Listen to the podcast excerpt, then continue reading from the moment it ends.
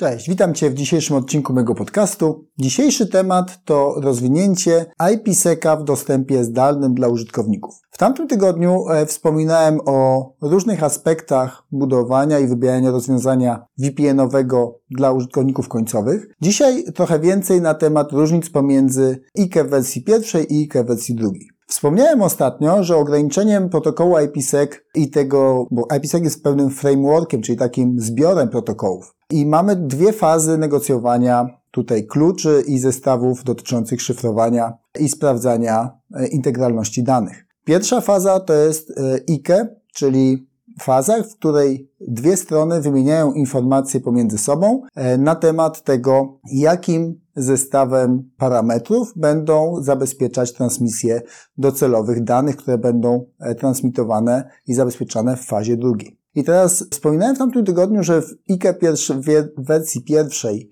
e, nie umożliwiało uwierzytelniania użytkowników. Po prostu nie zaimplementowano takiej możliwości, e, bo pierwotnie ten protokół był planowany bardziej do implementacji typu site-to-site, czyli łączymy dwie lokalizacje i je ze sobą komunikujemy. Natomiast e, wprowadzono niedawno relatywnie, patrząc na cały protokół IPsec-owy, czy cały ten framework, wprowadzono IKE w wersji drugiej, i to, co jest ważne, to w tej wersji e, dodano możliwość uwierzytelniania użytkowników w trzech metodach. Pierwsza metoda to MS-CHAP, czyli metoda, w której możemy wykorzystać protokół Microsoftu do uwierzytelniania użytkowników w oparciu o login i hasło, jeżeli korzystamy na przykład z jakiegoś rozwiązania domenowego. Druga możliwość to e, dostęp w wykorzystaniu tokenów, czyli GTC. I trzecia możliwość to e, wersja TLS czy IPTLS daje nam możliwość wykorzystania certyfikatów do uwierzytelnienia użytkownika końcowego. I możemy wtedy e, cały nasz schemat uwierzytelniania oprzeć tylko o protokół, czy o ten framework IPsec i o protokół IKE w wersji drugiej plus e, IPsec w drugiej fazie e, szyfrowania i sprawdzania integralności danych. Jeżeli chodzi o IKE w wersji pierwszej, czyli tak jak się to robiło wcześniej, stosowało się pewne obejście do tego braku funkcjonalności uwierzytelniania użytkowników, e, czyli nakładało się na tunel IPsec-owy, czy jakby do niego się wkładało bardziej, protokół L2TP.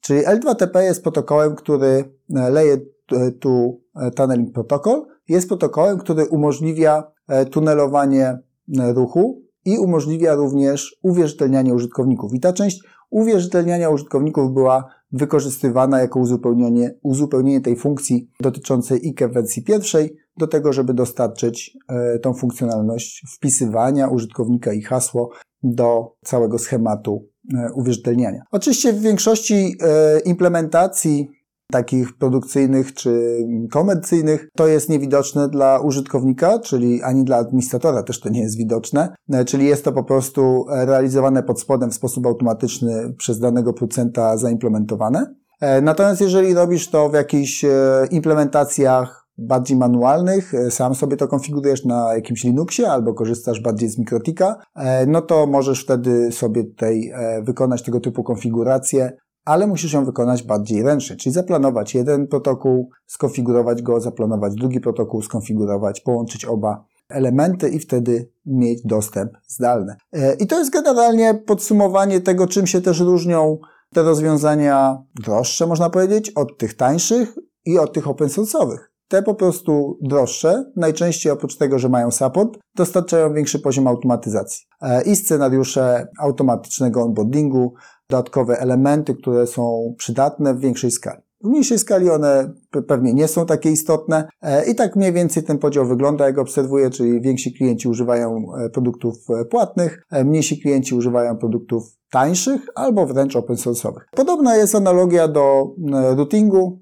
Też widziałem takie implementacje, gdzie ktoś sobie na Linuxie stawia po prostu router albo na grupie takich Linuxów, a w momencie, kiedy tego ruchu mu się pojawia więcej albo rozwija się ten biznes więcej, pojawia się więcej osób e, albo ten nakład administracyjny jest już za duży, to przechodzi na rozwiązanie komercyjne. W związku z tym zawsze ten balans pomiędzy tą łatwością konfiguracji, dostępnością informacji, wsparciem, a e, ceną jest e, no, zawsze oceniany indywidualnie przez każdego administratora czy przez każdego dyrektora, który odpowiada za IT i za budżet. Na dzisiaj to tyle. Dziękuję Ci za uwagę i do usłyszenia już za tydzień.